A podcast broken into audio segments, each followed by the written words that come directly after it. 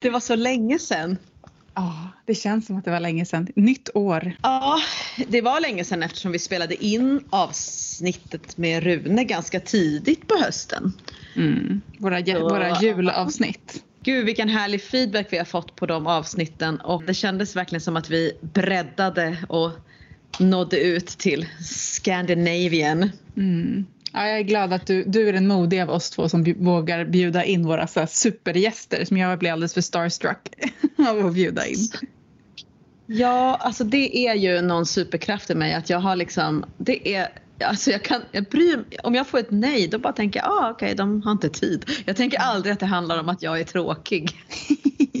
Jag beställde ju både Runes eh, kalender och eh, bok och Marias eh, The Great Knowledge liksom. Mm. Vilka, ja det är bra information alltså.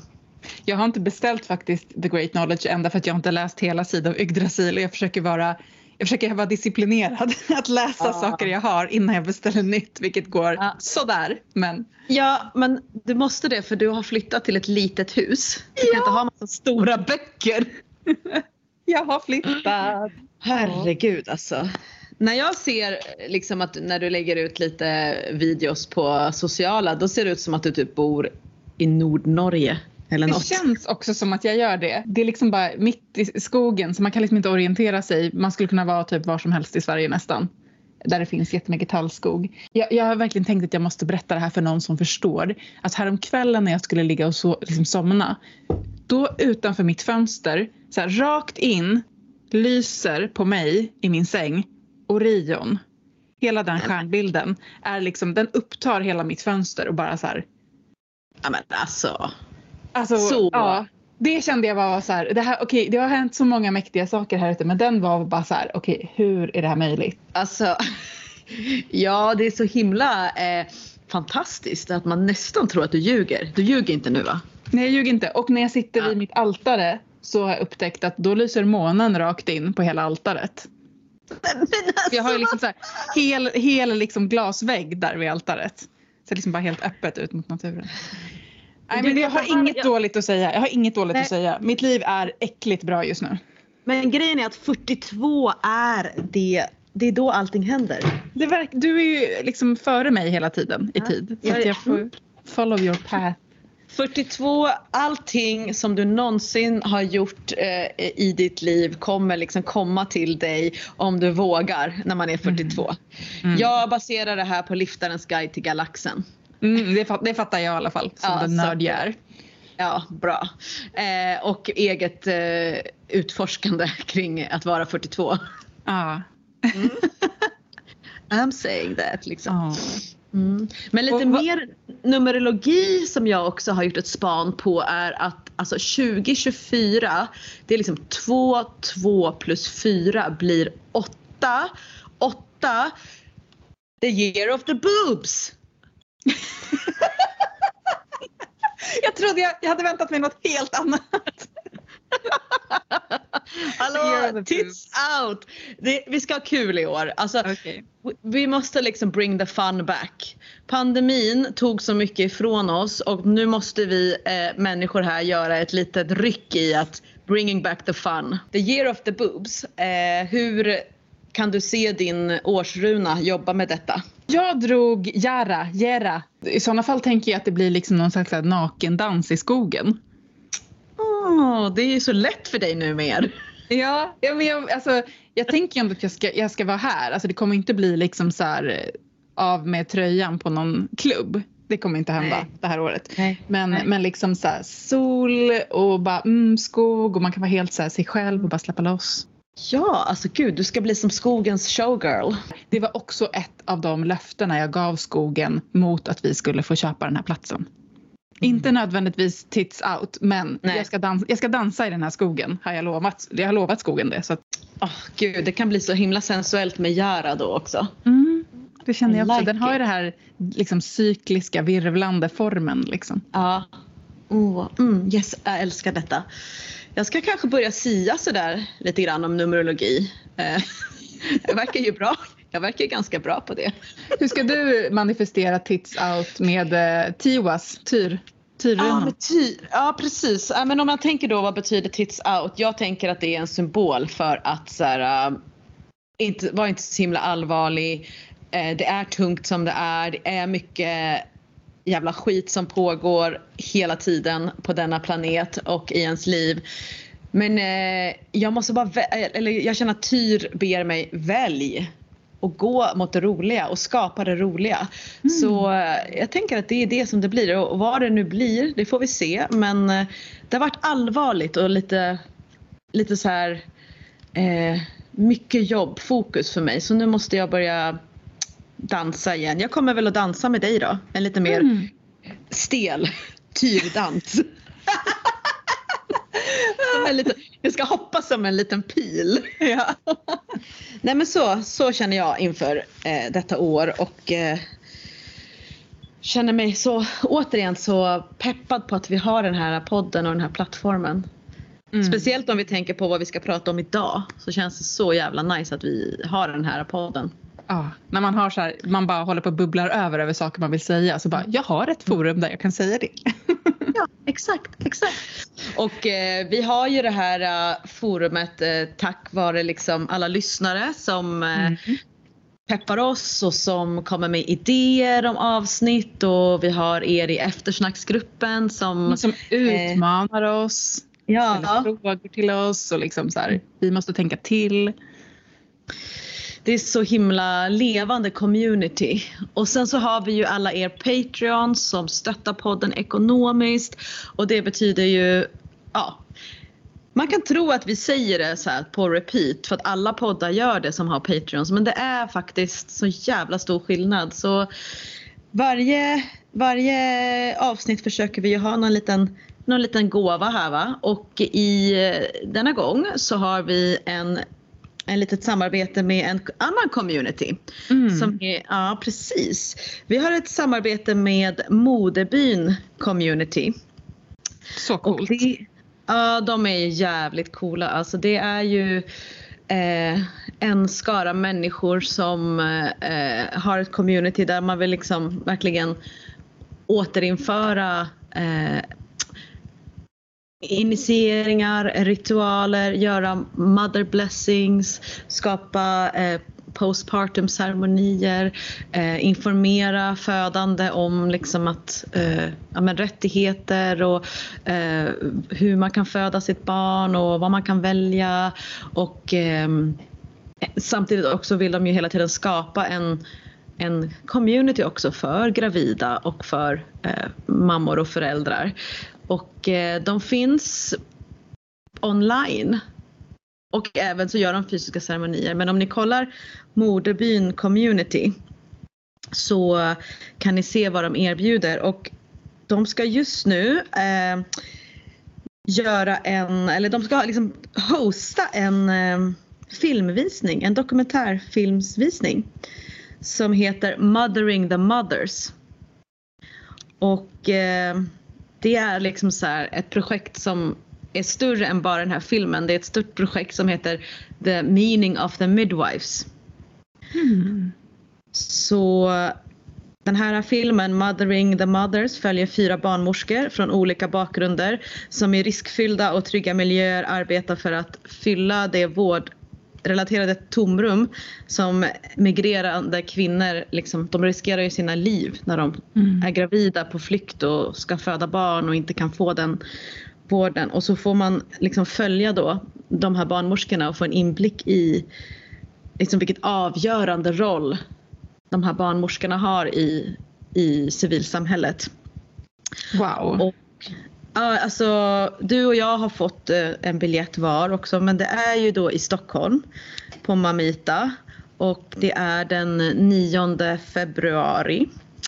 Så är man Patreon eh, hos oss så får man, kan man ge, ge, ange en kod så får man gå för 50 kronor.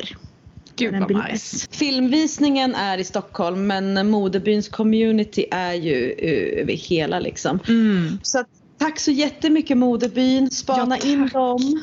Verkligen. Sen har vi en annan grej till er Patreons också som är så otroligt cool. Och det är ju Ruby som är med på en kväll på Historiska museet om historiskt sex och kärlek. Och då är det liksom en hel kväll med dels visning på museet om kärlek och sex från forntid till medeltid. Och sen är det en workshop med Ruby om ångning. Och det kommer inte vara liksom att man ångar, utan det är en workshop utan själva ångningen. Men det handlar om ångning. Och alla är välkomna, alla kroppar, alla typer av personer. Och så är det mingel och det är tipspromenad. Alltså det är en hel kväll om kärlek och kropp och sex på Historiska museet. Så himla fett att de tar med det här och tar med ångning. Så vi kommer lotta ut två stycken biljetter till det här till två Patreons. Och är du inte Patreon eller blir du inte utlottad till att få gå gratis på det här men blir sugen, för det blir i alla fall jag om jag hade varit i Stockholm, så är det den 7 februari och det är ju bara att gå in på Historiska museets hemsida och läsa mer. Mm. Och en annan sak som vi gör för våra lyssnare är ju att ni får ställa frågor till oss. Ni kan skicka in dem antingen i text eller så spelar ni in dem och skickar till oss. Och så svarar vi. Den här månadens lyssnarfråga lyder så här. Jag skulle vilja ställa en fråga om eh, beskydd när det är så att man inte kan skydda sig från en person fysiskt. Att en person är i ens liv oavsett om man vill eller inte. Alltså man kan inte göra någonting åt det. Eh, för min egen del så handlar det om eh, mitt barns pappa. Där det såklart blir en sån där situation att det är en person som man måste på något sätt förhålla sig till antagligen resten av sitt liv. Där den personen liksom är skadlig för en och det inte ja, men funkar med några andra liksom, fysiska åtgärder, alltså som liksom, vänner eller socialtjänsten eller ja men ni vet liksom. Eh, så jag känner mig att eh, magi är på något sätt sista utvägen. Eh, så jag skulle behöva lite inspiration och idéer. Mycket, mycket, mycket viktig och eh, jättebra fråga. Mm, jag, känner, jag känner också igen mig i den här eh, frågeställaren och liksom, jag känner att jag har stått lite inför samma mm. eh, situation. Jag kan förstå verkligen. Vi skulle kunna prata ett helt avsnitt om det här och mm. eh, då tänker jag så här, för att för fördjupning så vill jag börja med att tipsa om en bok mm. av Altaia Sebastiani. Den heter By Rust of Nail and Prick of Thorn. Så, och det är liksom en bok om eh, beskydd. Och den är jättebra. Det är typ den jag utgår från. Alltså det är den mm. som är min praktik. Liksom. Så vi, vi skriver den i show notes också så om man vill ha mm. lite mer fördjupning. Och, och det är en bok med tips om ritualer eller sätt mm. att tänka? Allting. Ja. Allting. Mm. Men framförallt liksom inte så här, alltså, för jag tror att att bara ta en, du vet, det, här, det vet ju du, men liksom när man bara tar en lista. Ta de här ingredienserna och så rabblar de här orden. Det kan vara lite mm. så här, man får inte riktigt feeling, eller jag får inte det. Nej. Utan att mer så här sätt att tänka. Om jag ska säga det som jag tycker är centralt i den boken så är det för det första att, alltså det är öppning, om man tänker sig hembeskydd så är det öppningar mm. i hemmet som man fokuserar på. Dörrar, fönster, Eh, även kan man tänka mobil, dator, padda, alltså också en typ av öppningar. Jag har mm. beskydd på mina sådana. Liksom. Mm. Det är också en öppning in i mitt liv. Det är den ena saken. En annan sak är ju att, som, hon, som var nytt för mig, som hon skriver om, det är att vara ganska specifik i varje enskilt beskydd. Istället för att bara så här, smacka upp en grej som bara skydda mig. Så mm. kan man tänka liksom så här, hon delar in det i så tre olika kategorier av beskydd. Där det är så här, eh, ja men typ illvilliga, liksom så här, illvilja. Och det låter ju som att mm. den här personen pratar om. Någon som vill en illa liksom. Sen kan mm. det vara också så här, de kallar det för disruptive forces. Det kan mm. bara vara så stök, alltså stök. Mm. Liksom. Just det. Mm. Och så det sista är typ andevärlden. Liksom, de tre kategorierna. Och att man liksom så här, lite, lite, ty, lite så konkret. Den här, den här grejen, den här amuletten eller den här saken ska skydda mot det här. Och så kan man hellre ha flera. Liksom. Eh, mm. Och sen så, liksom, det, hennes metod är väldigt så här, alltså det handlar ju mindre om saken och att du laddar den. Det, det är liksom mm. att du uppbådar den här kraften inom dig och sätter in den i, mm. i saken som är liksom det viktiga. Men man kan jobba med liksom man kan jobba med de saker som man redan är, liksom, har en kontakt med. Om det är runor, om det är örter, om det är ett väsen man kan ta hjälp av. Men taggiga och vassa saker är av tradition. Typ till exempel slån, taggiga Mm. växter. Eller skärvor av saker kan liksom Mm. vara eh, bra att lägga in sin intention i. Och spikar.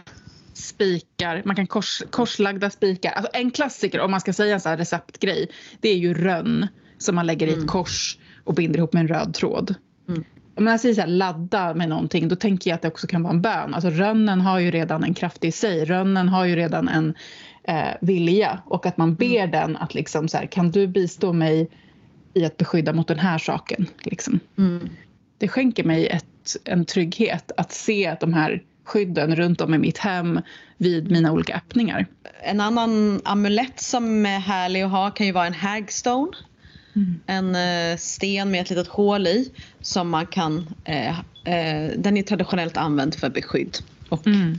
divination.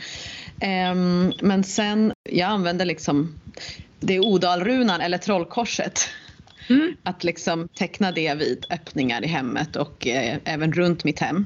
Eh, jag har också i perioder när det har varit eh, lite stökigt bara slagit en s- saltcirkel runt mitt hus. Inte mycket, men väldigt lite liksom Mm. med, eh, alltså inte vanligt eh, jodsalt utan eh, rock salt Mm. så man inte förstör massa miljöer. Eh, och det också tycker jag är bra, liksom, att slå runt huset. Men det jag skulle säga då också skulle ju vara att ehm, eh, det här med öppningar, liksom att också sin egen kropp, att, eh, att jorda sig varje dag eh, så att man hela tiden utgår från vad är mitt och vad är någon annans. Just Vad är, mitt, vad är min energi? Vad är den andras energi? För att det är hela tiden utsätts man ju för utmaningar och eh, manipulationer och eh, det är lätt att liksom falla i de här fällorna om man inte har en jordad kraft i sig. Så ju mer att kalla in jorden i sig, eh, kanske varje morgon innan man går ut, typ, desto svårare blir det för de här eh, energierna och krafterna att få fäste. Mm. För de här äh, energierna älskar ju när det finns en öppning för där kan de gro lite. Mm. Gaslight, gaslightning är det ju också på ett sätt. Eh, så att det tycker jag är viktigt och sen om det får fäste så tycker jag att den här ceremonin som kallas för cord cut Alltså så fort man känner att ett tvivel har börjat få ett fäste i kroppen att man släpper iväg det i kärlek.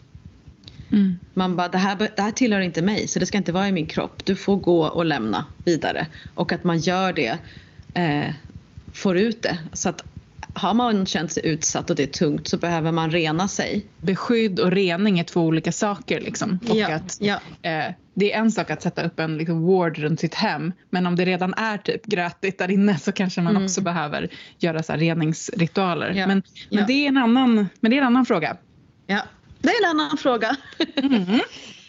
Okej, och, eh, men lycka till eh, med beskydd. Och skulle det vara så att det är svårt att eh, få till det själv så finns det ju massa människor som man kan fråga lite mer liksom, privat. Prästinnor och häxor och så som skulle kunna göra eh, hands-on arbete och hjälpa till på djupare plan.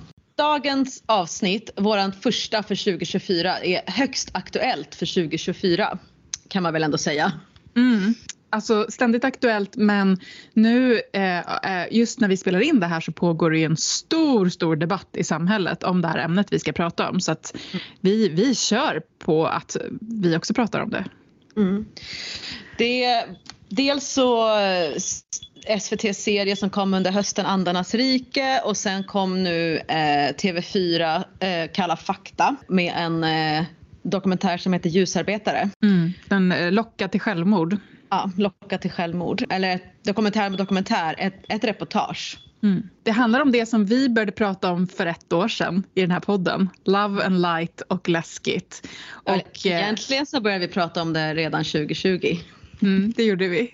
Sant, det var en av våra första avsnitt. Ja. Men, men nu finns det massa mer att prata om för nu har det ju verkligen blivit en större debatt i samhället, i, i vårt community men också i liksom, eh, riksmedia. Så vi ska prata om vad det innebär när det sker radikalisering i den magiska världen.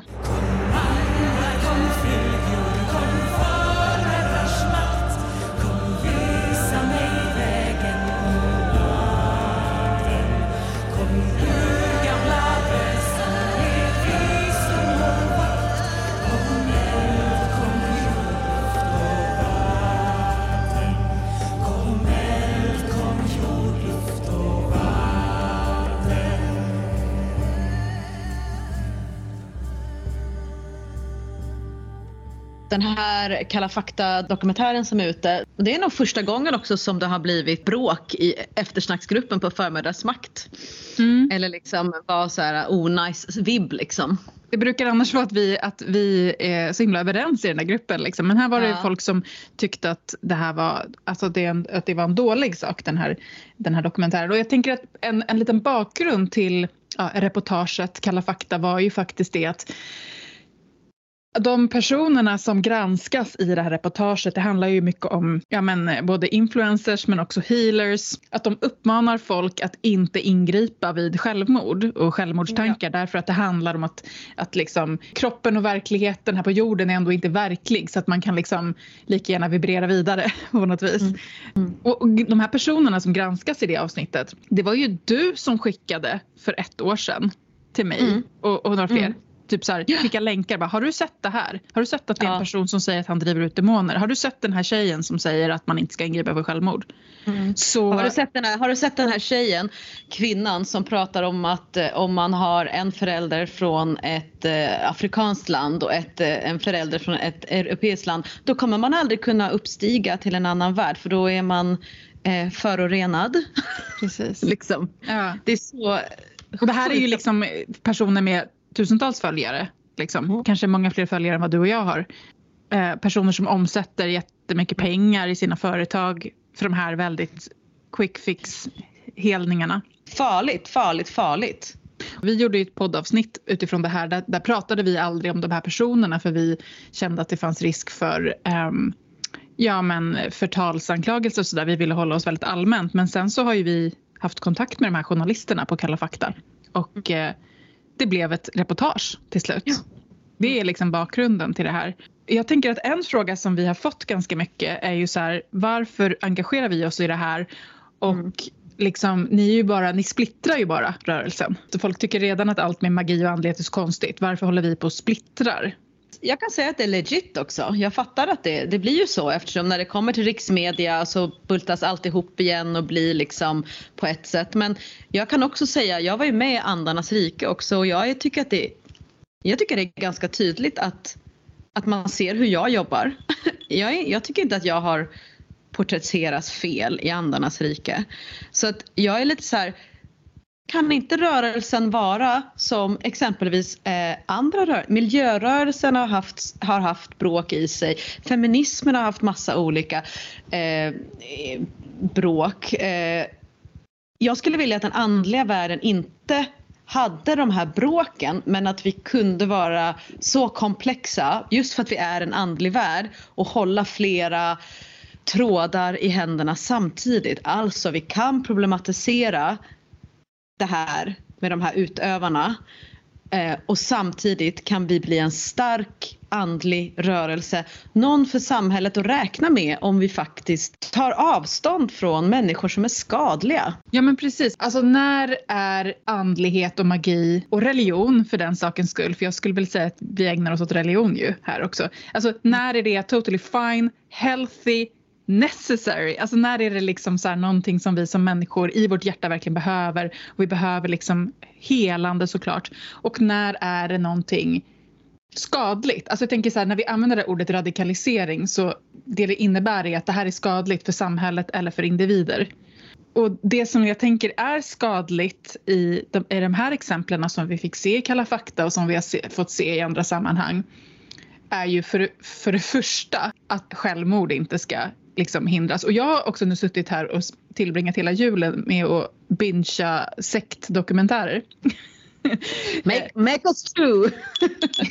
det är den, den eh, så här, jag har glidit ner i här. Ja, men alltså, det här är ju ett problem bland just den här typen av eh, radikaliserade andliga rörelser som tänker sig att jorden är liksom inte verklig, kroppen är inte verklig, den är ond. Vi vill till nästa, de använder olika termer, så 5D, next level och olika termer som, som liksom handlar och implicerar om att man liksom vill bort härifrån. Jag tänker på till exempel som så självmordssekten Heaven's Gate. De trodde ju att de var starseeds. De mm. använde inte det ordet. De var liksom utomjordingar som skulle hem. Mm. Det finns massa sådana exempel på sekter där människor faktiskt har kollektivt tagit livet av sig. Och nu säger inte jag att människor som kallar sig starseeds är med i en sekt. Men Nej. det är en liksom inte jättelångt hopp från att kalla sig starseed och kalla sig utomjording i Heaven's Gate. Det är faktiskt samma, samma grundtanke. Och, ja, och jag menar eh, hela grundtanken i eh, Jehovas vittnen handlar om att det är en få skara människor som kan komma in i paradiset. Därför mm. är det så viktigt att bli frälst. Mm. Eh, det är, finns i många religioner att man ska lämna för att där händer någonting annat. Eh, den här uppstigningen, det är inte bara för ljusarbetare. Det är en radikalisering det, i alla ja. religiösa sammanhang. Verkligen och sen den kopplingen du gör nu är ju också viktig att påpeka att, att liksom mycket mycket av det här är ju kristet tankegods som Heaven's Gate till exempel. Det, är ju, mm. det var ju liksom en hopblandning av kristendom och, eh, och liksom någon slags nyandlighet.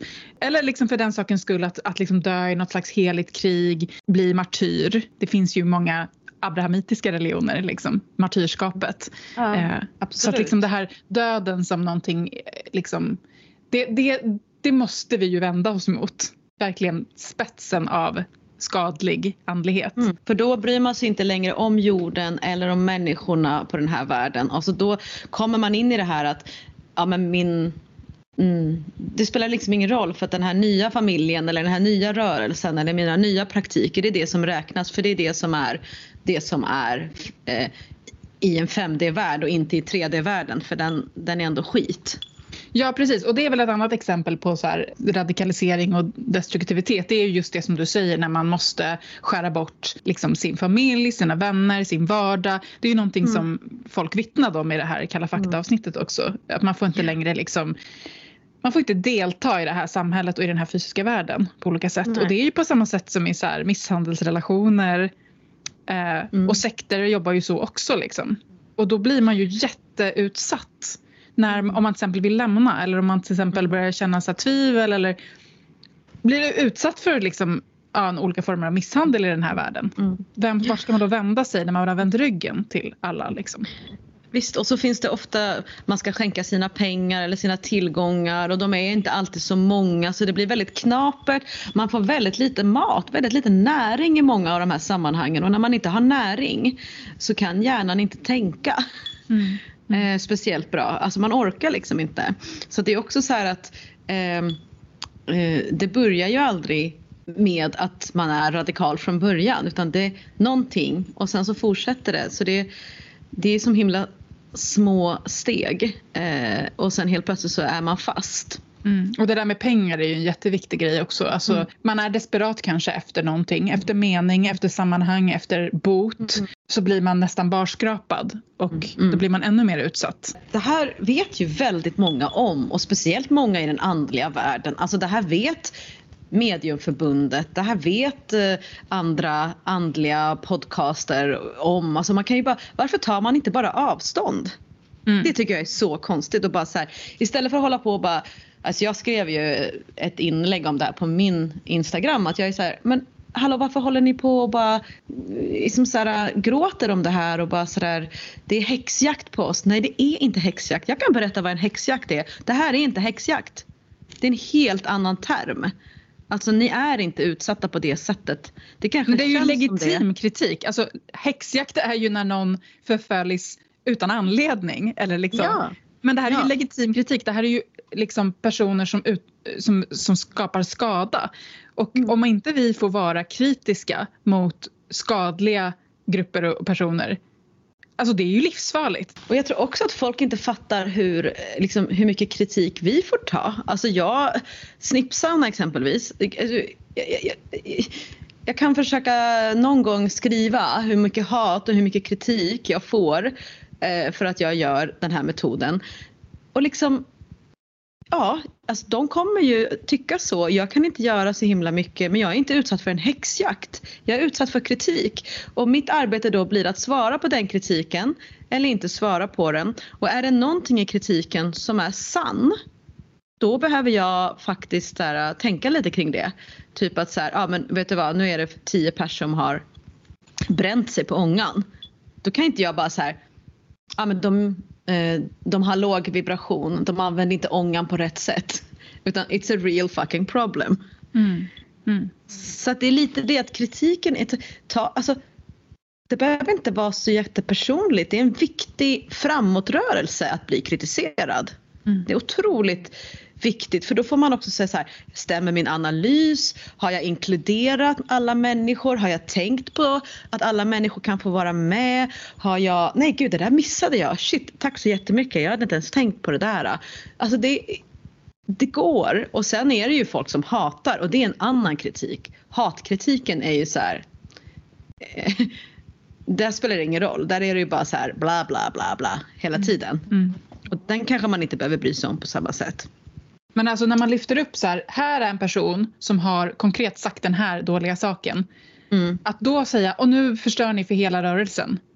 Det, nej, den personen som gjorde den dåliga saken förstör i sådana fall för hela rörelsen. Liksom. Ja. Så att, alltså, nej, jag, jag tror att det är, jätte- man är jättefarligt ute när man inte får... Eh, Och, man Och måste kunna ta kritik och ge kritik. Mm.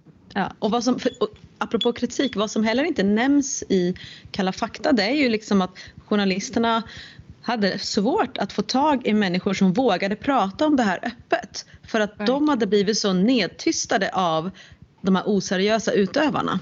Mm. Och det är, det är ju en sån himla, igen, så här, sån himla stor grej av vad, hur de jobbar och det är ju med, Mm. med liksom skrämsel. Därför att det är ju den här liksom terminologin att det är Satan och det är demoner och det är den här mörka världen, det är skuggstaten. Alltså, det bygger på att liksom en rädsla, det bygger inte på en eh, så här, åh det här dras jag till kanske. Mm. Liksom. Det kanske börjar så. Det börjar säkert inte med rädsla. Det kanske börjar med att man bara, åh jag känner mig dragen till änglar. Men Mm. på andra sidan fanns demonerna och de är jag rädd för nu. Mm. Så att, liksom, att hela tiden drivas av rädsla och inte liksom... Ja, det är inte en bra drivkraft. Nej. Och jag tror också så här att man måste kunna jobba med mörkret om man ska jobba i den andliga världen för att det finns så himla mycket dåliga saker som händer och mörker och alltså mörker som inte är angenämt. Det finns hat, det finns eh, liksom saker vi människor är utsatta för hela tiden. Så att, att tänka att man hela tiden eh, är rädd för det här mörkret det blir också jätte, jätte svårt att säga nej till någon som säger om du inte tar den här andra behandlingen så kommer demonerna. En analys som jag har gjort och eh, som jag faktiskt fick till mig under ett arbete och, och en resa med svampmedicin. Att vara här på jorden med, med allting som pågår, det är, det är tungt och det är jobbigt och det händer så himla mycket Både på det personliga planet, det händer eh, saker i världen, det finns en oro för krig och miljöförstörelse och en frustration över att ingen gör någonting. Eh, dagens unga kämpar och vuxna lyssnar inte. Eh, man dömer konstigt i rättegångar i fall av eh, män som dödar kvinnor. Alltså det är jävla mycket. Det här behöver jag kanske inte gå in på.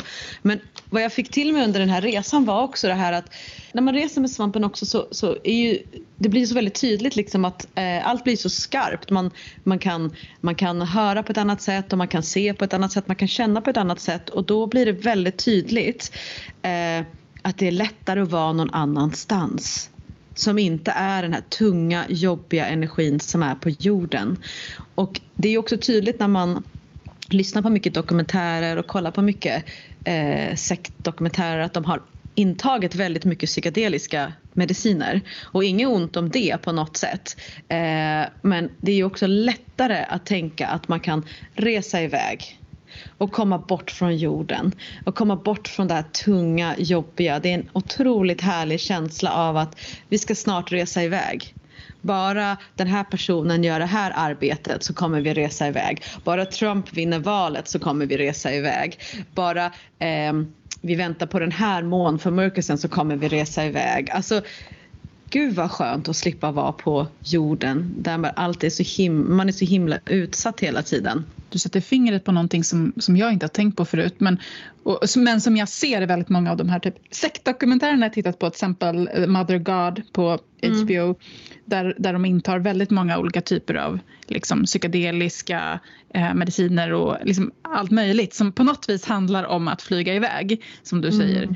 Och är det något budskap som du och jag har tjatat om i flera år och som nu tydligen svampen också tjatar om här så är det ju ja. att hålla oss, hålla oss på jorden. Alltså ja. det är det som är liksom mm.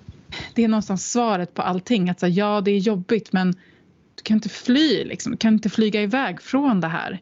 Det är Nej. inte till, till 5D eller till stjärnorna eller du går med fötterna på jorden och det är det som vi behöver vi behöver ta hand om den jorden och ta hand om den här kroppen som går på jorden och mm. vara med det som det innebär att vara på jorden. Mm. Och det är otroligt fint att höra att du fick det liksom, från svampen ja, också, som annars känns som en så här, den är ju i jorden men den också mm. tar mm. människor iväg. Mm.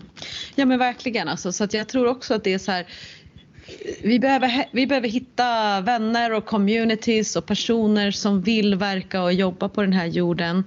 Eh, och vi måste få vara magiska och andliga varelser och menar, vi kommer alltid bli utsatta för folk som inte tror på oss och tycker att det är jättekonstigt att tänka att det finns en, ett talande träd eller en tomte eller en vätte. Och på samma sätt som de kan tycka att det är konstigt med helgon eller änglar eller eh, att be fem gånger om dagen. Alltså, det finns troende människor och icke-troende, eh, vad man nu än tror på eller vad man nu väljer att se sin världsbild med och även om man inte tror.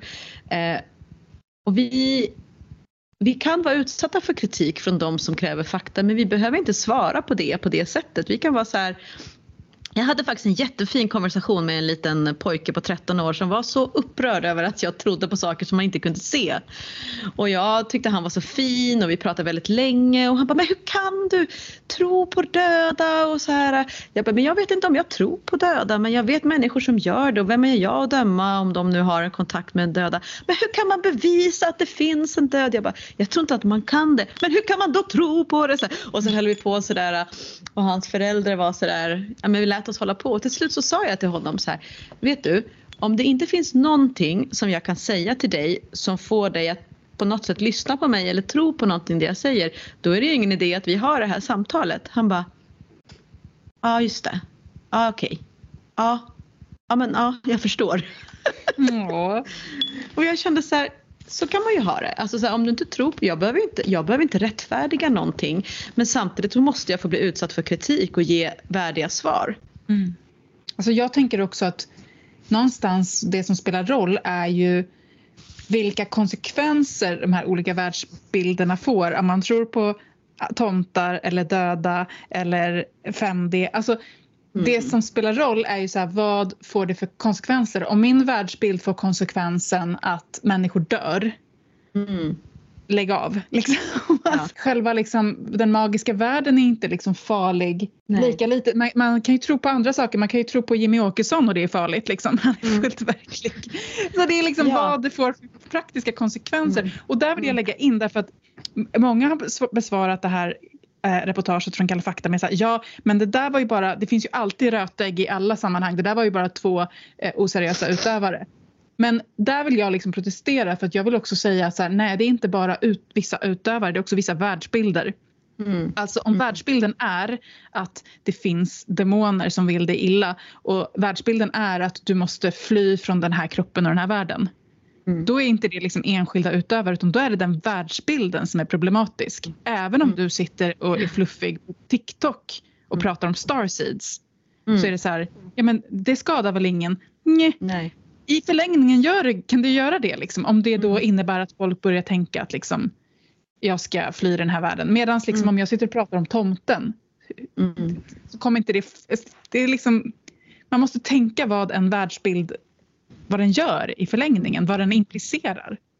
Ja men visst, men du, om du skulle radikaliseras Eldin så kanske det är så att du skulle prata om att bara vi tillber tomten på loftet eh, och gör det här och det här och ger honom alla dina pengar och all din mat så kommer tomten ta oss ner till underjorden och där kommer det finnas en hemlig värld och där ska du mm. och vi leva tillsammans. Liksom. Alltså, det går att radikalisera tomten också men jag tror att vad vi du och jag också måste vara noga med eftersom vi har den här podden det är att så här, vad du tror på i ditt hem med dina närmsta vänner och vad ni gör. Eh, det, det är liksom det är en sak, det är en slags sätt men när man börjar gå ut och liksom påverka samhället och, och som du säger liksom att göra farliga saker för andra människor. Uh, vi kan ju inte lägga oss i någon, hur någon gör sin praktik. Eller liksom, det vill vi inte heller. Utan säga ja du tror på det här, du gör det här. Men det är just det när ni börjar nå ut till andra människor. Vad är det egentligen som sägs och vad är det egentligen som görs? Vi har ju verkligen fattat det med den här podcasten att shit, folk kan inte tro att det vi säger är sant och det kan det ju vara. Ja, det är sant för vi tror på det. Men det finns ju mera komplexa frågeställningar och eh, analyser som man kan göra till varje del av våra avsnitt.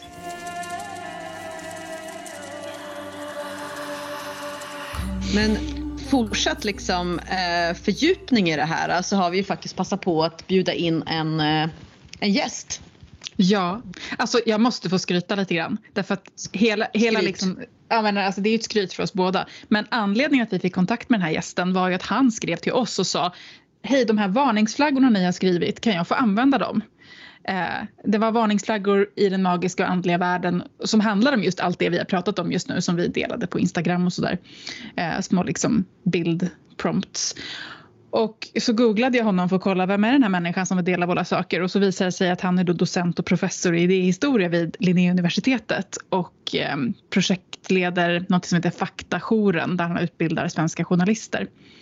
Så det kändes ju ganska fett att våra ja. idéer är approved by ja. Academia. Och då passade ja, vi var... på att hugga tag i honom. Mm. Det var du som högg tag ju. Du var ja. jättemodig. En gång, för en gång skulle vara jag modig och inte så starstruck. jag vet inte vad som har hänt med mig. Nej men så bara okej okay, du får använda våra, kan vi få använda dig? Han heter Andreas Jarehorn Önefors och hans specialitet är också radikalisering och konspirationsteorier. Så håll i hatten, nu kör vi! Hej och välkommen Andreas! Hej! Vad kul att du kunde vara med här hos oss. Ja, tack så mycket. Det är ett spännande sammanhang. Det kan hoppas kan medverka till att öka kunskap. Kan inte du presentera vad du jobbar med? Ja men absolut. Min bakgrund är att jag är forskare i idéhistoria, alltså ett ämne som studerar hur människor har tänkt över tid. Eh, och för ett antal år sedan så började jag intressera mig för konspirationsteorier, alltså föreställning kring varför saker och ting händer som man då tror är eh, orsakade av en stor sammansvärjning. Um, och var med i ett stort europeiskt forskningsprojekt. Så, så har jag varit med och bidragit till det, till en stor handbok och skrivit egna bidrag inom, inom, den, uh, inom den, det forskningsfältet. Under pandemin så skrev jag en, en rapport för uh, Myndigheten för samhällsskydd och beredskap och då hamnade jag väldigt mycket i medierna för att uttala mig om om rörelser som ifrågasatte hela pandemin eller alla åtgärder som, som eh, togs för att försöka eh, hantera den. Mm. Alltså en fråga som jag möts av väldigt ofta, eller som en slags här motfråga till det mm. vi, när vi pratar om det här, det är ju så här, ja men Elin och Rebecka, eh, tror ni att världen bara är god? Vad, liksom, det är väl klart mm. att företag vill profitera på saker och liksom att mm. det är mm. så här, eh, och då tänker jag liksom att man är inne på någonting som handlar om samhällskritik. Och mm. jag har ibland svårt att formulera så här, vad är skillnaden mellan så här, mm. sund samhällskritik och konspirationsteorier? Vad skulle du liksom, hur skulle du förklara ja, precis. det? Jo, men jag brukar säga att uh, konspirationsteorier används på fyra olika sätt och då märker vi liksom hur vilken skillnad det kan ligga i det. I det ena fallet så kan de användas uppifrån och ner av makthavare för att befästa sin egen makt. Eh, och det ser vi till exempel Trump eller Orbán eller andra makthavare som använder sig av de berättelserna för att, för att rikta sig mot sina politiska motståndare. Eh, och för att knyta till det du säger innan så tycker jag det är inte en legitim form av samhällskritik som, som, som, som kom uppifrån och ner.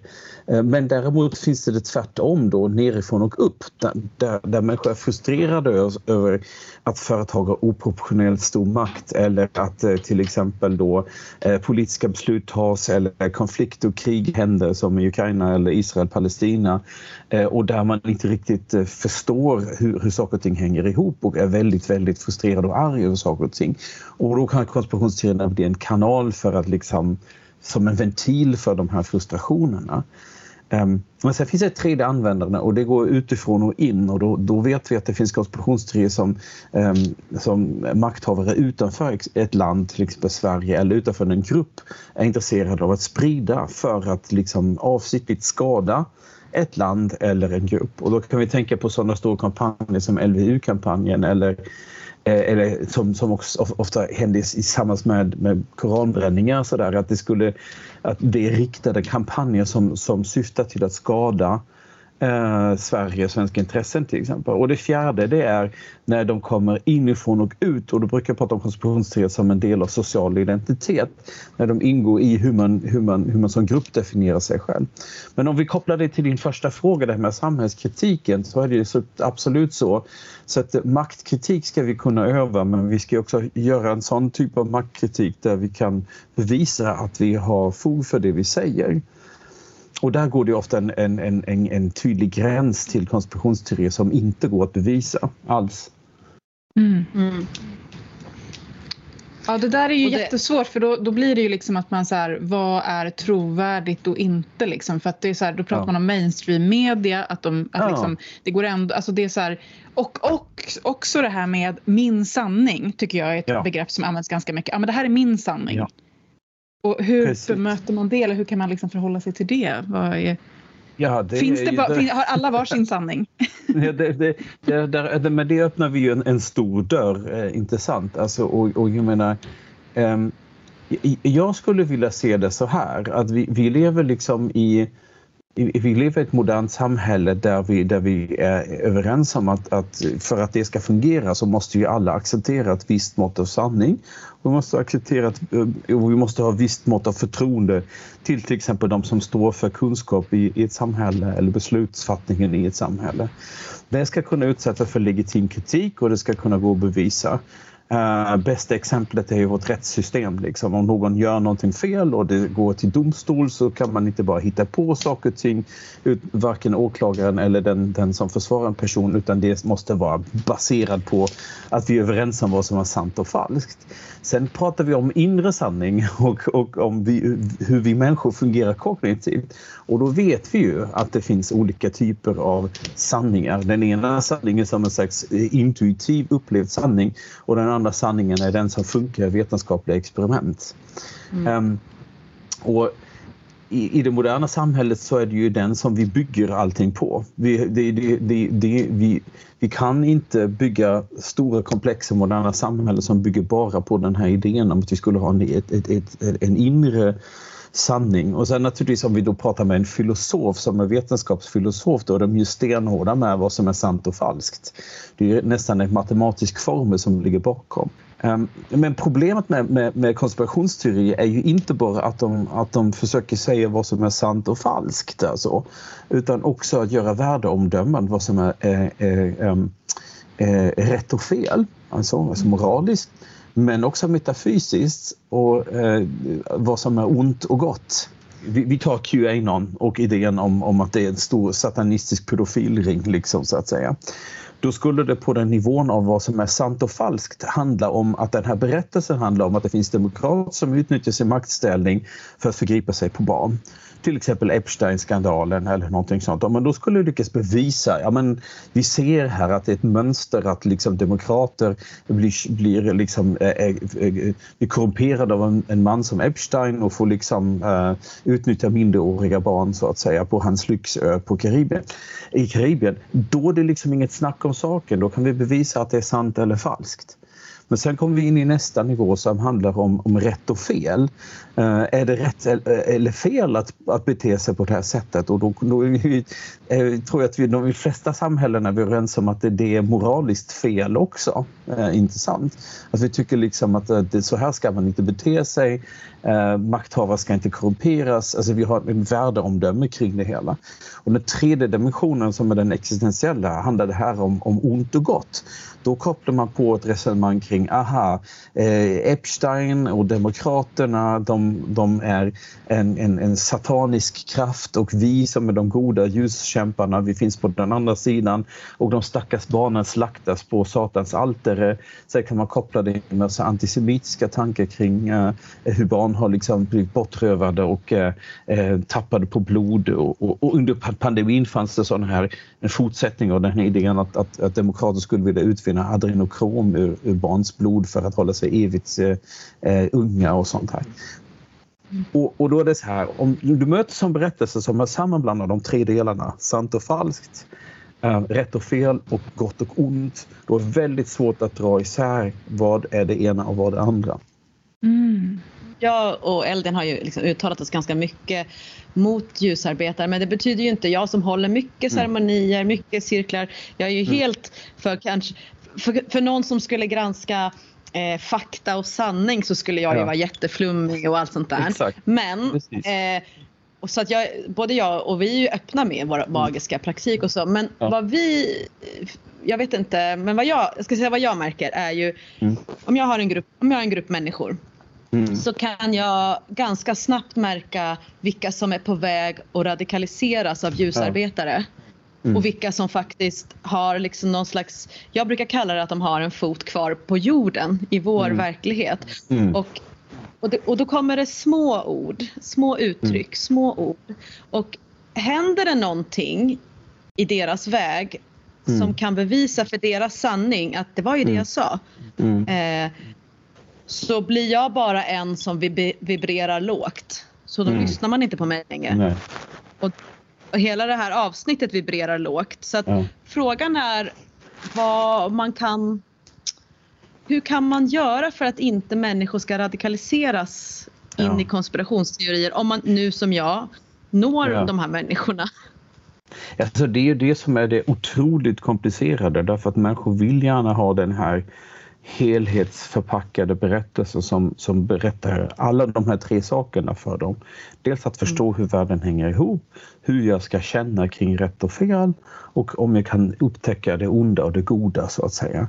Och, och eh, en, en jättebra eh, berättelse som radikaliserar folk innehåller de här tre och då har jag hittat min sanning på alla tre nivåer, eller hur? Eh, och, och, då är det jätte, jättesvårt att så att säga överbevisa eller övertyga folk om att, att syftet är någonting annat. Och jag tror att, mm. att, att vi måste vi måste förklara vad, vad är syftet då i så fall? Vad, vad syftar ditt ljusarbete kring, om, om, vi, om jag nu inlåter mig på din spelplan, liksom så här. Jag tänker mig alltid att det, men det är ju min syn på det hela, att, att, att vi, vi vill som, som individer kunna vara fria och, och, och, och, och mäktiga över våra egna liv. Alltså att det handlar om empowerment så att säga. Eh, och, och för mig skulle det vara liksom eh, eh, stöta sig mot min intuition att, att, att, att på något sätt svälja en, en, en ideologi som gör att jag är beroende av andra, till exempel en, en, en guru eller sektledare eller en president som, som, som förtrollar massorna eller, mm. eller en diktator eller någonting sånt. Det skulle för mig vara fullständigt främmande. Jag, skulle, jag vet inte vad, hur ni ser på det för att jag är fullständigt illitterär vad det gäller det esoteriska men jag skulle påstå att, att om det skulle vara budskapet med det esoteriska då skulle det vara riktigt farligt. Alltså att, att man mm. säger de dolda insikten i hur världen fungerar och hur vi ska värdera saker och ting leder oss rakt in i att jag måste acceptera en, en, en diktator. Mm. Men det, det, det, är jag intresserad av hur ni ser Frågan är om de här människorna Ja. ser det så. För att jag uppfattar ofta att den som Ja. är en del av det här narrativet Ja. själv ser det som att det här är min sanning. Det här är liksom, det är du, det är ni som är liksom, ni, är ju, ni följer ju blint staten medan jag Ja, ja. är en alternativt fritänkande person. Exakt. Eh, så att det blir ju så liksom svårt. Men jag satt och tänkte på en grej med det här med ont och gott Mm. som du var inne på. Om Ja. inte det också är en nyckel. Därför att du och jag Rebecka, vi brukar ju liksom ändå så försöka ha ett ganska så starkt antidualistiskt eh, tänkande. Eh, och att liksom ont, ont och gott är inte liksom begrepp som vi ser som helt absoluta utan som att Mm. det är det är inte någonting som finns metafysiskt. Det är ju något vi pratar om hela tiden. Liksom, utan att så här, Mm. ja men liksom det som är mörker, ja men mörker behövs också för nattlevande varelser. Och, liksom, alltså det är så här, eh, Mm. och att inte, alltså när det blir så extremt ont och gott, att det kanske i sig är en, så här, då är man ute på djupt vatten, eller? Ja. Ja, ja men absolut. Men det, det säger jag ju till exempel i, i, i min rapport också. Jag har liksom den här starka dualismen eller det man kallar för manikeism är, Mm. är, är, är, är farlig liksom därför att eh, accepterar man den världsbilden så finns det bara den här, de här absoluta eh, alternativen. Det finns liksom inget mellanläge och, och, och eh, det, det, det kan vara betryggande för många människor. Men konspirationsteori är också en hjälp att förstå väldigt komplexa saker som vi är utsatta för i, i det moderna samhället. Um, men, men på ett sätt så, så, så leder det ju heller inte riktigt rätt utan, utan, utan priset för det blir ju att människor blir, uh, kan bli radikaliserade och, och sen bli fasta i, i, i den här, dels den här tanken min sanning eller fast i, i någon annans sanning. Eh, och och jag, jag ser det som en, en, den stora risken är ju att vi lever i ett samhälle som kräver att vi som individer måste kunna samarbeta. Och då måste vi acceptera vissa grundläggande eh, fakta och förhållanden. Återigen om jag tänker mig en, en rättegångssituation. Jag menar om någon kommer dit och säger att min sanning är att jag inte är skyldig eller den personen inte är skyldig eller min sanning är att den lagboken som vi har i Sverige inte är äkta utan det finns en kosmisk lag som alla ska styras över. Så kan jag säga grattis med den inställningen. Det kommer ju liksom inte fungera. Um, och eh, där ligger väl problemet när man hävdar sin sanning allt för mycket. Mm. Jag tror så här, alltså en reflektion som jag har gjort det är Mm. att det gör så himla ont att vara människa för att människan Mm. har varit utsatt för så himla mycket. Det kan vara övergrepp, det kan vara mobbing, det kan vara problem med sin kropp, alltså kosten, psoriasis, det kan vara skadliga relationer, alltså stress, utbrändhet. Alltså vi, men det gör så ont att vara människa att Mm. om, om det arbete som jag och elden gör spirituellt och ceremoniellt det handlar egentligen om att vi inte gör något arbete utan vi håller ett tryggt ceremoniellt space och säger du kan klara det här. Alltså du och ditt förhållande till naturen, Ja. till vad du tror på, om det är Gud eller gudinna. You're gonna do it. Men vad vi kan göra är att stärka individen. Ja. Eh, ska, skapa kärlek, skapa trygghet, skapa samtal som är hållbara. Men du måste stanna på jorden och det finns ingen snabbare lösning. Visst, Mm. jag kan ibland säga så här, ja men Visst vore det magi? Tänk om jag kunde som häxa trolla med min trollstav och säga allt det onda i dig är borta. Mm. Men jag kan inte det. Och ingen annan kan det. Det är bara du som med långsamt arbete, självkärlek, eh, njutning och så vidare kan hitta en plats i dig som, som är bättre än du känner nu. Men vill man då ha en snabbare lösning och få bort det här onda, gud vad skönt om någon säger Mm. följ mig. Men det var ju också det vi, såg i, det var ju det vi såg i Kalla fakta. Alltså det här, Mm. Ja. typ, okej 30 minuters session, puff, nu har jag tagit bort demoner ur dig. Alltså det är ju någonting helt annat än så här, nu ska du gå i terapi i två år. Nej, precis, att, att man tror att det finns ett snabbspår och, och, och rent eh, så här kognitivt så är konspirationsteori ju ofta en, en, en genväg liksom för att de ger, de, de ger mig en berättelse där jag kan snabbt få förklaringar för de problemen som, som jag ser runt omkring mig. Eh, och, och det blir ett snabbspår. Jag slipper, liksom göra, jag slipper forska själv och jag får alla svar på mina både, både sanningsfrågor och moraliska frågor och existentiella frågor.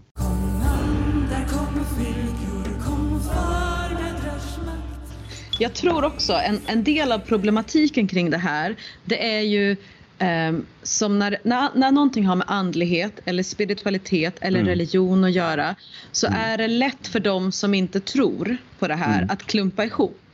Alla kristna är så, alla eh, muslimer är så, alla, new, alla som inte är mm. i en monolitisk religion de är, de är new age. Och vi mm. som då på något sätt jobbar i den här världen, vi kan ju ibland tänka så här, åh vad vad, vad nice det vore med en nyansering kring det här ja, som, in, som inte handlar om att, mm. att eh, ja, du hamnar där och sen blir du eh, radikal och sen mm. är du med i en sekt. Alltså, det skulle ja. vara intressant också i den här faktan ja. Eh, som är så himla viktig att det fanns också någon, någon, slags förståelse för de troende. Mm. Förstår ni vad jag menar? Ja, ja visst, absolut. För att, ja, självklart. Jag, mm. Ja, ja, ja, men jag och Elin får ju ibland säga ja, ja, men man får ta mycket skit och så får man bara, mm. äsch, man får liksom, liksom så här rugga bort det lite grann att, så här, mm. att man är lite flummig, man är lite konstig, men vi, ja, vi tror på, vi tror på träd. And mm. that's fine. Men, men det är någonting där att så här, om det fanns en lite mer högre tak mellan tro, mm. alltså fakta och magi, så tror jag det skulle bli lite mysigare. Men du var ju inne på det där i början av vårt samtal Andreas. Om ja. så här, ja. är, är det liksom en straight pipeline ner i konspirationsträsket från andlighet? Eller liksom, vad är, vad är det far, när är det farligt? Yes, det, vi, vad, vad, vad, vi ju kan se att vi har en, en pipeline som leder från alternativa terapier och wellness och eh, magi, eh, magiskt tänkande rakt ner in i konspirationsteoretiskt eh, konspirationstro. Mm. Um, och, och eh, tyvärr, alltså, vi, vi, vi, ser det att det finns en jättestor överlappning mellan, mellan de som eh, ägnar sig åt eh, ja, eh, ni vet så här västerländskt varierade varianter av, av yoga med lite spiritualitet och stenar. Och så köper man Snake Oil av, av eh, Eh, Alex Jones och, och, och sen tror man att Demokraterna tillhör en satanistisk pedofilkult. Liksom så här det är ju tyvärr någonting som vi kan observera. Uh, och, och, och, då är frågan eh, varför förhåller det sig så? Alltså, eh, de socialpsykologiska forskarna som, som undersöker det menar ju då att det finns en, en stark association med, med, med, det vi kallar för magiskt tänkande inom psykologin och, och konspirationsteoretiskt tänk för att man föreställer sig att eh, saker och ting eh, har ett samband som inte har det. Eh, att det finns eh, onda krafter och att världen är uppdelad i, i, svart och vitt och så vidare. Så där finns en så kallad predisposition, alltså att man är, liksom, man, man är redan där på något sätt. Och då blir det lättare att anamma den, det förklaringssättet också på den, den, den, den verkliga fysiska materiella världen som vi lever i. Mm. Um, och jag tror att folk har väldigt svårt att uh, hålla isär det här, att, att komplementalisera, alltså att, att, att, tänka sig så här.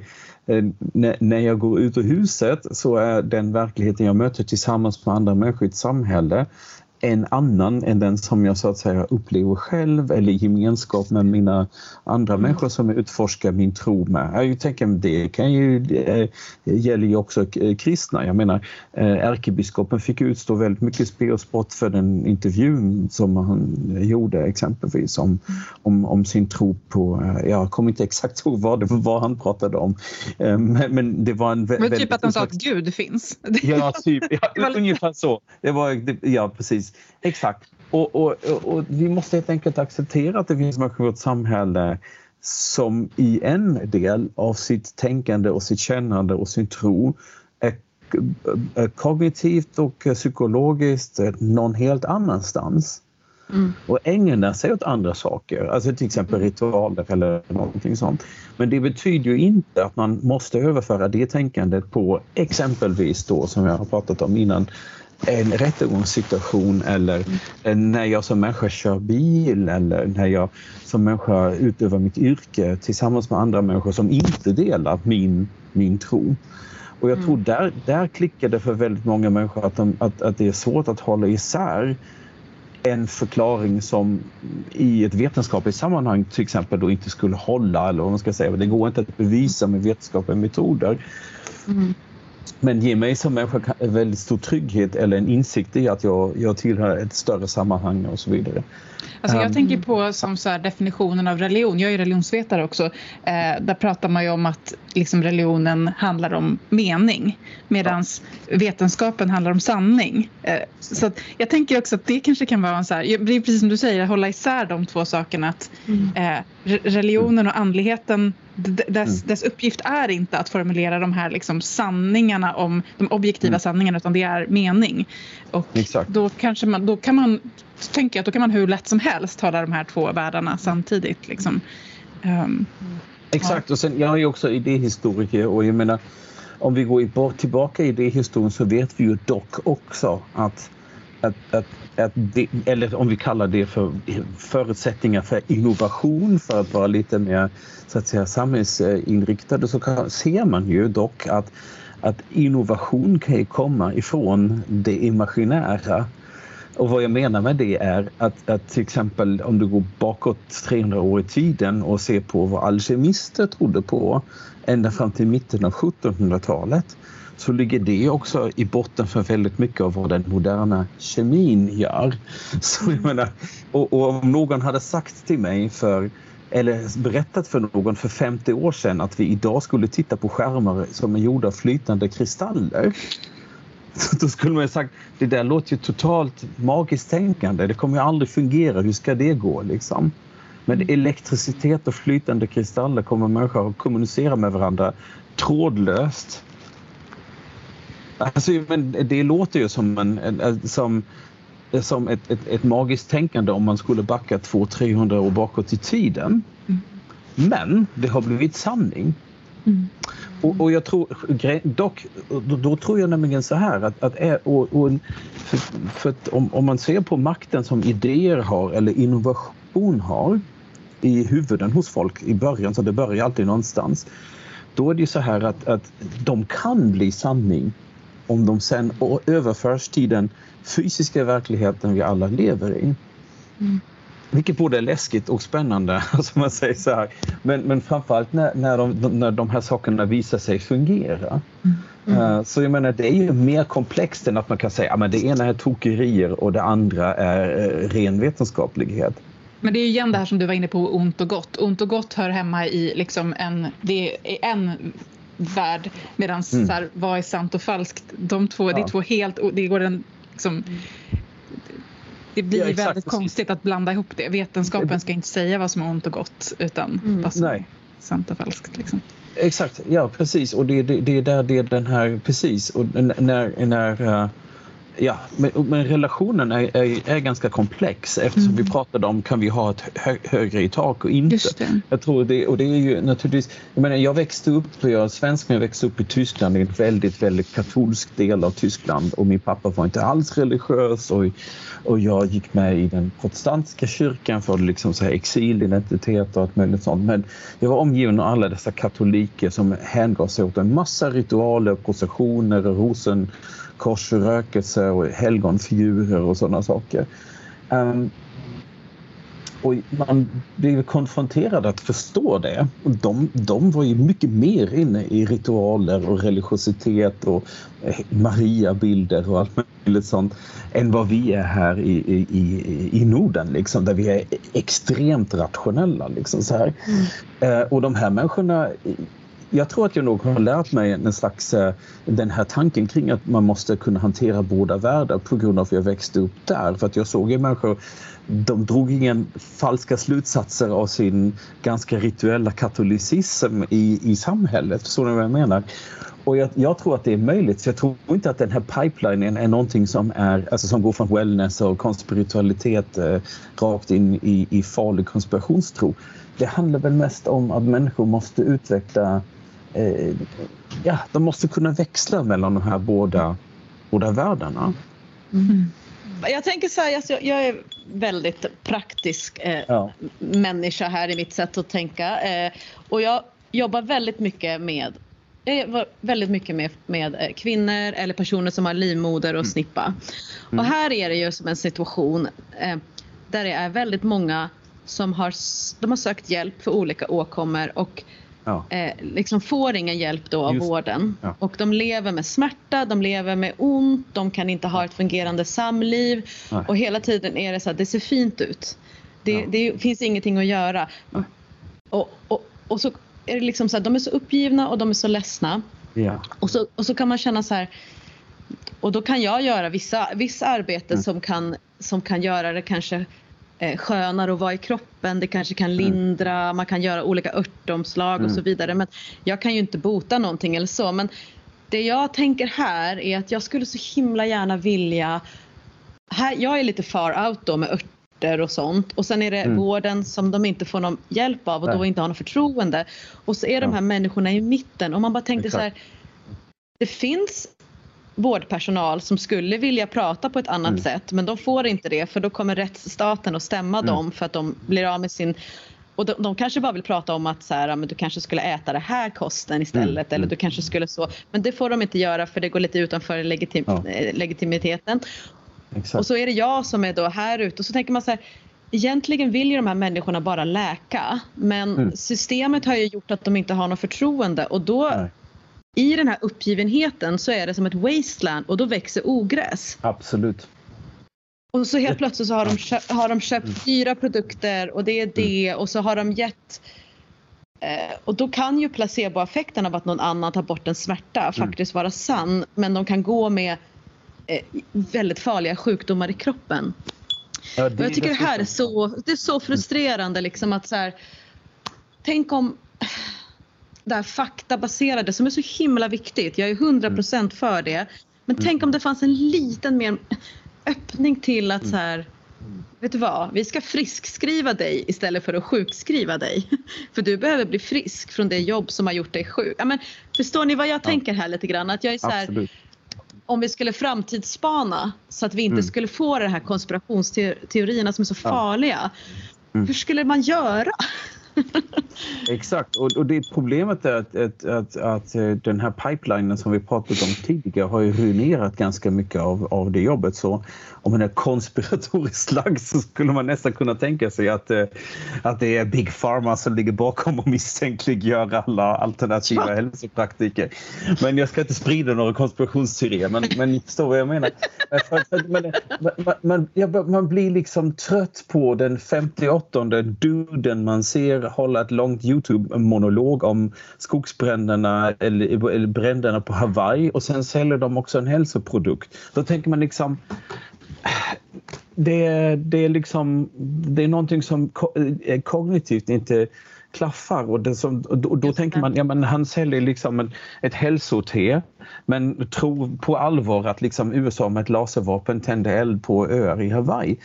Det, det är liksom, och då tänker man nej, jag kommer aldrig någonsin köpa, eh, vad var det han sa, The Dragon's Blood eh, te. Liksom så här. För att det är bara bluff och båg. Den här människan lyckas inte att liksom övertyga mig. Så där går ju misstroendet åt andra hållet. Men jag förstår precis vad, du, vad, du, vad din utgångspunkt är och jag skriver också om den i en kommande bok. Vi har vårdtrauman i Sverige. Vi har folk som är obehandlade. Vi har en extrem syn på skolmedicin i Sverige som är s- Ja, så, s- och, vi har väldigt konstigt system, men ni vet. eh, Ja. Och, och, och, återigen, jag kommer från en, en, uppvuxen i en, i en annan kultur där man har mm, privatläkare och kan träffa expertläkare inom ett dygn och sådana saker. Och där man också kan gå till alternativterapeuter eh, och, och försäkrings, ett försäkringsbolag betalar till viss del sådana saker. Eller som i Tyskland, man kan få en kur på, på sin sjukskrivning. Alltså man åker på, på, på, till en kurort och badar i gyttja liksom, i tre veckor och får det betalt av sin sjukförsäkring. Så men det, det finns ju sys- hälsovårdssystem som har en lite mer tolerant syn på vissa andra typer av terapier och, och idéer. Um, så det, det går ju att göra det annorlunda och, och i Sverige är det helt enkelt väldigt, väldigt extremt. Det låter som att vi landar lite tillbaks där vi började om samhällskritik versus konspirationsteorier. För att det vi gör, ägnar oss åt nu är ju samhällskritik. Alltså, Ja. Och det är, väl det, jag, det är väl det jag så himla gärna skulle vilja att folk Mm. tar den här kraften som de lägger på konspirationsteorier och istället, Ja. så här, istället för att vända sig bort från samhället, Ja. vända sig mot samhället och bara okej, då engagerar vi oss politiskt och aktivistiskt för att skapa Ja. förändring i det här samhället, i den fysiska världen vi lever. Eh, Ja. För att det jag tänker att, att, att gå in i de här liksom jätteeteriska världarna, Mm. det är ju liksom att göra sig själv maktlös. Alltså så här, jag förstår att man känner sig redan maktlös men man är inte maktlös i en demokrati. Vi kan faktiskt organisera Mm. Ja. oss. Samhällsförändringar har skett. Exakt. Det är väl det jag tänker liksom att jag vill uppmana människor att när man känner så här, ja, men att istället gå ihop i den här världen, Mm. engagera sig, skapa förändring. Det finns Mm. som du säger exempel på andra system. Mm. Istället för att försvinna bort och lämna den här världen. Ja. Liksom. Precis. Och då, då är det så här, eh, det finns en, jag har en kollega på Lunds universitet som heter Mia Maria Hammarlin. Hon har undersökt vaccinskeptiska attityder och gjort eh, eh, vad heter det, fältarbete bland folk som bor i små eh, liksom samhällen i Jämtland och så vidare. De människorna så att säga, jag skulle vilja påstå att de är lost för samhället. De, de lever i sina självförsörjande små bubblor liksom på jag vet inte vad, men de är ju inte där för att de har helt tappat förtroendet för att, att deras röst räknas eller att de kan ändra samhället utan de har gått i en slags inre exil och ni träffar säkert också många sådana människor som gör det. Som säger jag bryr mig inte om samhället, jag går inte och röstar, varför ska jag göra det? Liksom så här, som minimalt deltar i det här samhället där ju dock de facto den verkliga makten ligger i att du borde använda din röst och din organisationsförmåga och ditt engagemang för att du skulle kunna påverka saker och ting. Eh, Men, men visst, folk tycker väl att det är för komplext gissar jag. Och, och då, då blir det också åt det att man faller tillbaka till de simpla förklaringar för att man man inte riktigt vet, man kanske inte känner till att det finns andra hälsovårdssystem eller syn på saker och ting som man skulle kunna argumentera för att de, man borde ha i, i, i en svensk kontext också eller någonting sånt. Men jag tänker också mycket så här att eh, vi, nu är vi tre personer som är ganska eniga om det här vi har en gemensam grund. Och, alltså, vårt mål med det här samtalet och det här avsnittet det är liksom inte att skamma om man eh, tänker att man är, liksom, jobbar med Starseed eller tycker om ljusspråket. Alltså vi, vi vill inte skamma er för där ni är. Vi vill bara be er att tänka och göra research och liksom att, att ni är viktiga, Er röst är viktig och ert uttryck är viktiga och er sanning är er sanning såklart men att ni kan verka på jorden tillsammans med oss, tillsammans med andra som faktiskt vill skapa en bättre värld när vi har fötterna i myllan. Så man behöver inte köpa hela koncept och man behöver inte köpa produkter. Magi är gratis, tro är gratis och eh, om vi allihopa, även, även vi tre, kan vara förstående och ha högt i tak så kanske vi kan skapa de här efterlängtade samtalen. Och jag tänker att med de orden så ska vi väl ta avsluta. Mm.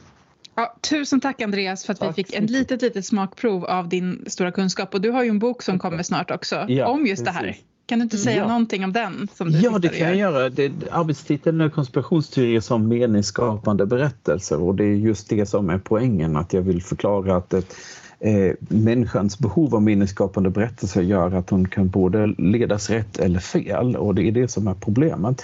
Handlar det om att man blir själv eh, bemäktigad att ha större kontroll över sitt liv eller lägger man då hellre sitt, sitt liv i någon annans händer som berättar för en hur världen ska se ut? Wow, vad klokt. Bra, den sammanfattningen, man blir jättesugen verkligen.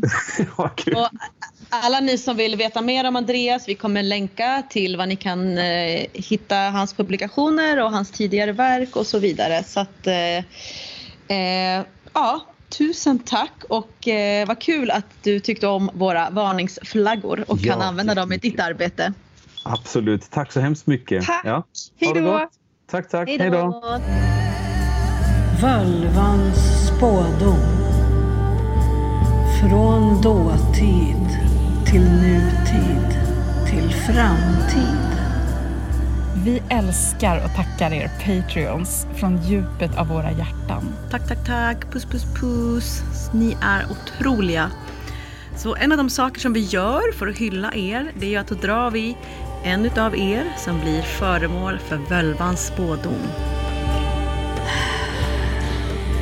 Låt völvan tala. tala. Dagens Völvans spådom går till Elisa Korubolo. Mm, tack så mycket Elisa för stöd. Tack så jättemycket. Och vet du Elisa, till dig kom det en typ av, inte ens väsen för det här är, är historiska karaktärer. Men var liksom som dök upp och jag blev så här, men gud det här har jag läst om, vänta vad är det här? Och jag var tvungen att bara bläddra i alla mina böcker och bara vänta vad har jag läst om det här någonstans? För det var något som har swishat förbi för mig och nu swishade de förbi när ditt namn kom upp och det är några som kallas för Benandanti. Har du hört Oj. talas om det någon gång? Nej. Jag vet. Jag har läst så lite om dem och jag fick sitta och bläddra och bläddra och bläddra i alla mina böcker. Så bara, fan. Benandanti var en grupp människor på 1500-1600-talet i norra Italien. Det var män och kvinnor. Och det som var speciellt med dem var att de var födda med segerhuvud, alltså fosterhinnan. Det kan säkert du förklara Rebecka bättre, men den sitter på huvudet på något sätt när de föds. Och, Ja, de, man, man föds i fosterhinnan kvar. ja, man föds med fosterhinnan kvar. Mm, mm. Och de, hade man fötts med fosterhinnan kvar, då var det så att när man fyllde 20 år i norra Italien i det här området, då blev man kallad, blev man inkallad som Benandanti. Och sen så fick man liksom vara med här i det här sällskapet från 20 till 40 år. Man samlades fyra gånger om året. Och man bar sin fosterhinna, sin segerhuva, i en amulett runt halsen.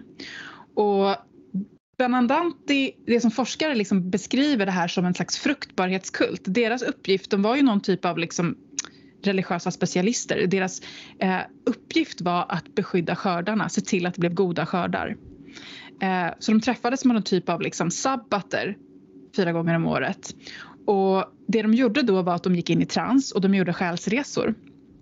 Där de sades eh, liksom strida mot onda krafter liksom i andevärlden. Och där, framförallt så handlade det om goda skördar så det är väldigt så här, fruktbarhetsinriktat. Eh, de kunde även jobba med bot och så. Och det fanns också, jag har också läst om att det, det fanns tillfällen där de träffades där det inte var så mycket så här, det här striden utan att det var fokus på eh, så här, sabbat där man liksom festade tillsammans med så här, andar och andra väsen. Så här, klassisk häxsabbat. Men det här är alltså innan, det här är från 1500-talet. Det är liksom eh, det är innan de, liksom, de här typen av häxprocesshistorier har kommit. Och det här är ju liksom inte mytologiskt eller, utan det här är människor som har existerat, en grupp som har funnits, det är belagt. Och ehm, på, den, i, på de här sabbaterna så var det en typ av gudinna som rådde. Det var alltså inte djävulen eller så utan det fanns en, ett beskrivs som ett kvinnoväsen. Och eh, en annan sak som jag tyckte var spännande var de här striderna som de hade mot onda väsen som ville förstöra skördarna. Vet du vad deras vapen är? Fänkålsstjälkar. ja. Ja. Jag... Eh... Vad skulle du gissa? Nej, men jag eh, skulle precis säga det för jag var tvungen att bara... Eh, Så du googlade? eh, Jag googlade Benadanti och så stod det precis det att de slogs med fänkålsstänger. Jag vet! Fänkålsstjälkar. Och eh, alltså, så himla speciellt. Sen så började de förföljas som häxor. Eh, för det, de, det var ju 1500-1600-talet där så att tyvärr så liksom dog hela den här kulten ut för det blev ju omöjligt och livsfarligt att liksom vara Benandanti. Ehm, men de här dök liksom upp för mig. Jag såg dem som, i, som flygande över himlen till samlad, så att samlas i de här viktiga, liksom hade det här viktiga samhälleliga uppdraget att, att liksom beskydda skördarna, beskydda samhället som de hörde till. Um, och det som det, liksom, det som det kom upp för mig att det kunde handla om ehm, i det här sammanhanget för dig eh, Lisa, faktiskt just det som vi har pratat så mycket om i det här avsnittet sjukt nog. Att liksom vad använder jag de här krafterna till? Vad liksom, och hur kan jag bidra till det fysiska, alltså skördarna, livet här på den här jorden. Eh, magisk aktivism. Jag tänker att Benandanti var kanske så tidiga magiska aktivister. Liksom. Verkligen alltså. Det fanns en, en forskare som tydligen heter Carlo Ginzburg som har eh, forskat men lite mera spekulerat också i att kanske att de här Benadanti kan ha haft eh, kunskap och kvarlever av en eh, liksom, uråldrig mer eh, europeisk, ja. ja. shamanistisk förkristen tradition som var kanske spridd över större delar av Europa. Eh, men, men också det är, svårt att, det är svårt att bevisa. Men just det här med fruktbarhetsriterna och fruktbarhetsgudinnan, att de hade grönsaker, att de också gjorde mycket hamnskifte och eh, liksom förvandlade sig till smådjur, så här möss och harar och kaniner och skyddade vandrare på eh, skyddade de goda vandrarna mot de onda vandrarna så att det kunde liksom vara eh, balans. Mm. Och det är så coolt att det liksom, hur, vare sig det nu är en uråldrig fruktbarhetskult eller inte så är det ändå så otroligt coolt att det här så sent som 1500-1600-talet så finns det en sån här kult som alltså, den är också helt bortkopplad från kristendomen. Det är inte som en det man ville få fram det som var ju som att det var något sataniskt men det var liksom inte varken för eller emot kristendomen, det var bara en helt egen grej. Det är så häftigt att det finns kvar så sent liksom. Så otroligt också att det var de barnen som föds i sin hinna. Eh, det är jävligt eh, coolt liksom ändå. Vad betyder det tror du? Nej men segerhuva har det ju kallats också. Mm. Eh, att eh, för, för många kungar har ju haft en segerhuva, liksom, det är så utvalt också. Att det har betytt någonting eh, i, inom mer senare tid liksom, och inom kristendomen. Men att det här betydde liksom att man, man hade lite jobb att göra med fertiliteten och marken och eh, eh, jorden. Att jobba med jorden. Gud vad Ja, spännande. Du får ta med dig det här Elisa och se vad det säger dig. Tack så jättemycket för att eh, ni har lyssnat på det här uh, maffiga avsnittet. Och ehm, ja men tack Eldin, vilken härlig start på uh, poddsäsongen. Tack själv. Vi passar på att önska er ett fantastiskt eh, inbolkfirande, eh, Disablot, vad ni nu kallar eran högtid. Men eh, vårvintern är här och eh, jag tänker att det är många som redan har känt att även om det är kallt och snö och is så är det sol som har gjort sig påmind och värmer våra kinder. Så vad än ni gör, ha det bara så himla trevligt.